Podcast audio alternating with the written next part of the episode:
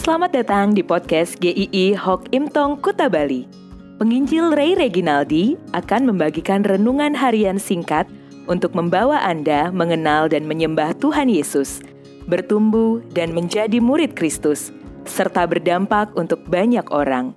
Jika Anda merasa diberkati melalui renungan ini, silahkan bagikan podcast ini agar orang lain juga diberkati. Inilah renungan hari ini.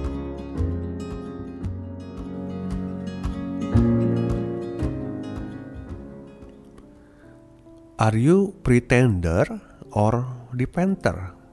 Bagian kedua, Matius 21 ayat 28 sampai 32. Ada dua anak yang diceritakan Tuhan Yesus. Anak yang pertama berkata, "Iya, iya," dengan perintah bapaknya, tapi dia tidak melakukannya. Sekarang kita lihat anak yang kedua. Anak yang kedua ini responnya sangat bertolak belakang. Dia tidak ragu-ragu menjawab, Aku tidak mau. Dia tidak mau melakukan apa yang ayahnya minta. Jawaban awal anak kedua ini memang sangat memalukan. Anak ini kurang ajar, hanya mementingkan diri sendiri. Dia tidak mau repot, dia nggak mau capek. Padahal sudah menjadi kebiasaan di zaman itu kalau anggota keluarga ikut di dalam mengerjakan di kebun anggur. Dan otoritas ayah sangatlah dihormati. Maka saya bayangkan lagi kalau orang-orang ada yang mendengar jawaban anak itu, pasti sangat terganggu sekali hatinya. Wah, ini anak kurang ajar banget, gak tahu diri, gak sopan, anak apaan. Seperti itulah para pemungut cukai dan perempuan sundal atau pelacur di mata orang-orang Yahudi. Pemungut cukai adalah musuh bersama orang Yahudi mereka adalah orang-orang yang rela untuk menggadaikan bangsanya demi kekayaan pribadi. Mungkin untuk hari ini kita bisa memikirkan para pemungut cukai ini dengan para rentenir yang meminjamkan uang dengan bunga yang begitu tinggi. Kita juga bisa menyamakan mungkin para bandar narkoba yang merusak hidup banyak orang demi bergelimang harta. Pemungut cukai adalah orang yang orientasinya hanya duit tidak ada rasa kemanusiaan. Mereka tidak mau tahu apa perintah Tuhan. Mereka orang yang paling dibenci, dan mereka juga tidak menunjukkan kasih. Mereka tidak melakukan kehendak Tuhan yang berkata, "Jangan mengingini milik sesamamu, belalah hak orang-orang miskin, jangan ada padamu Allah lain." Sedangkan yang menjadi Allahnya adalah hartanya. Kasihi sesamamu, nggak peduli mereka ini orang yang tidak melakukan apa yang Tuhan katakan. Tetapi ceritanya juga tidak sampai di sana. Yang mencengangkan adalah dia memang awalnya menolak perintah ayahnya. Tetapi kemudian dikatakan ia menyesal lalu pergi juga. Artinya lalu pergi bekerja. Dia menyadari dia salah.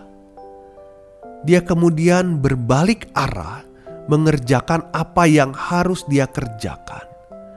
Lalu Tuhan Yesus bertanya, "Siapakah di antara kedua orang itu yang melakukan kehendak ayahnya?" Tanpa ada perdebatan, jawabannya sepakat. Yang terakhir, anak yang kedua ini. Yang terpenting bukan ucapan di mulut, tetapi yang melakukan kehendak Bapa. Pemungut-pemungut cukai dan perempuan-perempuan Sunda percaya pada jalan kebenaran dan mereka bertobat. Mereka bukan percaya pada dirinya sendiri, sebaliknya mereka sadar tidak ada kebaikan dari mereka yang bisa dibawa ke hadapan Tuhan untuk dibenarkan. Semuanya karena anugerah Tuhan. Sedangkan imam-imam dan tua-tua Yahudi tidak percaya pada jalan kebenaran yang ditunjukkan oleh Yohanes, yaitu Tuhan Yesuslah jalan kebenaran. Mereka diam saja ketika Yohanes Pembaptis dibunuh. Mereka juga malah bermufakat untuk membunuh Tuhan Yesus. Tampilan luar mereka oke, tapi dalamnya benar-benar kotor. Mereka melihat hidup mereka tidak seberdosa pemungut cukai dan perempuan sundal. Tuhan Yesus mau hidup kita bukan berpura-pura mengikuti Dia, tetapi percaya kepadanya dan bertobat. Jika Anda mengatakan percaya kepada Tuhan Yesus, berarti tidak ada kepercayaan lain yang Anda pegang. Anda tidak main-main dengan iman Anda. Anda tidak merasa Anda diselamatkan karena kelayakan Anda.